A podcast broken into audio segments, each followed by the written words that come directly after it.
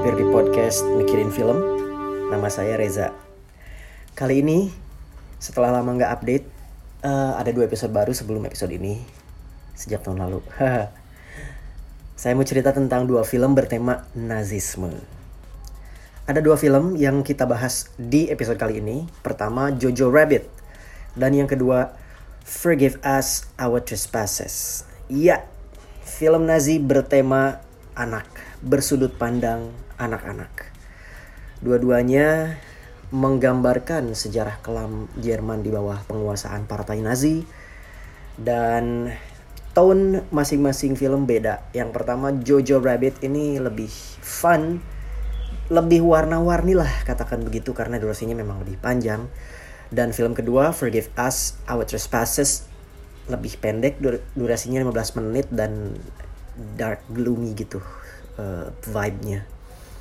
Saya cerita dulu soal Jojo Rabbit ya. Ini film yang bisa ditonton di Disney Plus, bercerita tentang seorang anak namanya Jonathan alias Jojo. Dia anggota klub anak partai Nazi dan seorang nasionalis garis keras. Lucu ngelihat anak kecil uh, bisa se barbarik itu, se bukan barbarik ya, sefanatik itu dengan negara karena nyindir jatuhnya. Jadi kayak uh, satir gitu. Ibarat bilang bahwa kalau kita se nasionalisme buta itu ya mungkin perkembangan kita belum sematang itu juga.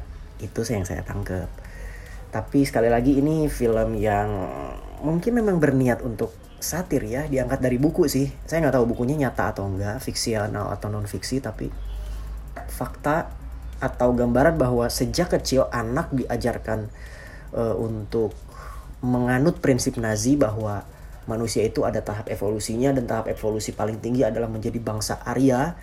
Bangsa Arya itu bangsa di bawah mm, negara Jerman yang ditulis, digagas, dihidupkan oleh politisi bernama Adolf Hitler. Which is not true. Jangan percaya politisi kalau bahas soal ras dan e, pembagian manusia. Karena mungkin tujuannya tidak baik ya harus tetap curiga kalau ke politisi. Balik lagi ke filmnya ya. Kok jadi ke sana sih ngobrolnya? Oke, okay, jadi Jojo Rabbit ini dia uh, rabbitnya dari mana? Nah dari satu momen ketika si Jojo disuruh mites, mites, you know mites, matahin leher uh, kelinci.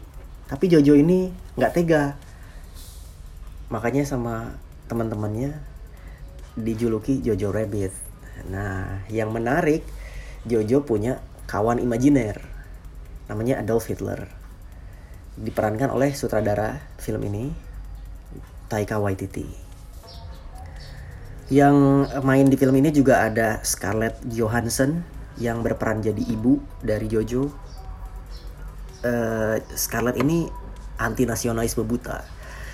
Di satu perbincangan di atas meja makan, ini adegan paling paling monumental sih menurutku. Si ibunya Jojo uh, Scarlett Johansson Jojo juga ya Johansson haha. Dia uh, berdebat gitu sama anaknya nggak berdebat sih. Si anaknya nanya ibu kok seneng banget sih hari ini? Terus kata si Scarlett Rose namanya nama tokohnya. Iya nih soalnya Italia lagi dikepung kayaknya kita bentar lagi beres deh perang terus si Jojo marah ibu nggak suka Jerman ya? Uh, ibunya bilang saya nggak suka perang suka Jerman tapi nggak suka ada perang dan itu bodoh nonsense gitu kata dia. Lalu obrolan nyambung ke ayahnya Jojo yang lagi perang di Italia itu membela Jerman ya Nazi Jerman di Perang Dunia II dan akhir dari rangkaian adegan itu si Scarlett Johansson mamanya Jojo berperan jadi ayahnya. Itu hangat gitu suasananya dan Scarlett Johansson jago sih berakting jadi ibu dan bapak di situ dan ngajarin ada ada ada sense of life is beautiful lah.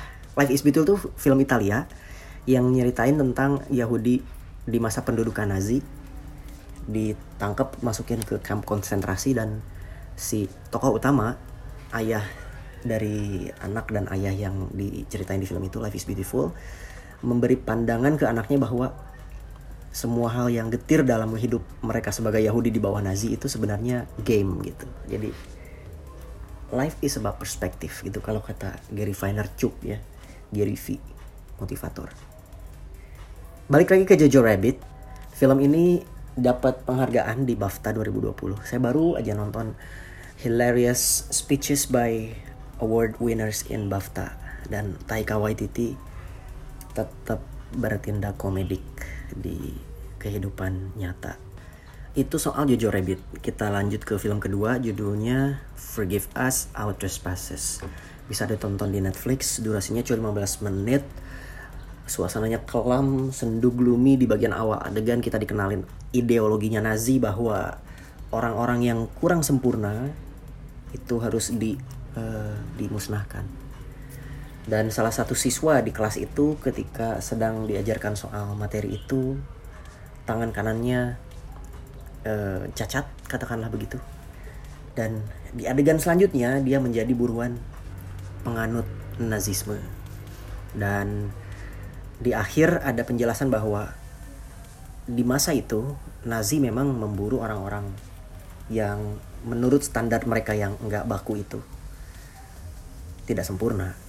Lagian siapa sih yang sempurna? Ya enggak? Dan korban terbesar dari masa itu ternyata adalah anak-anak. Sutradaranya namanya Ashley Eakin.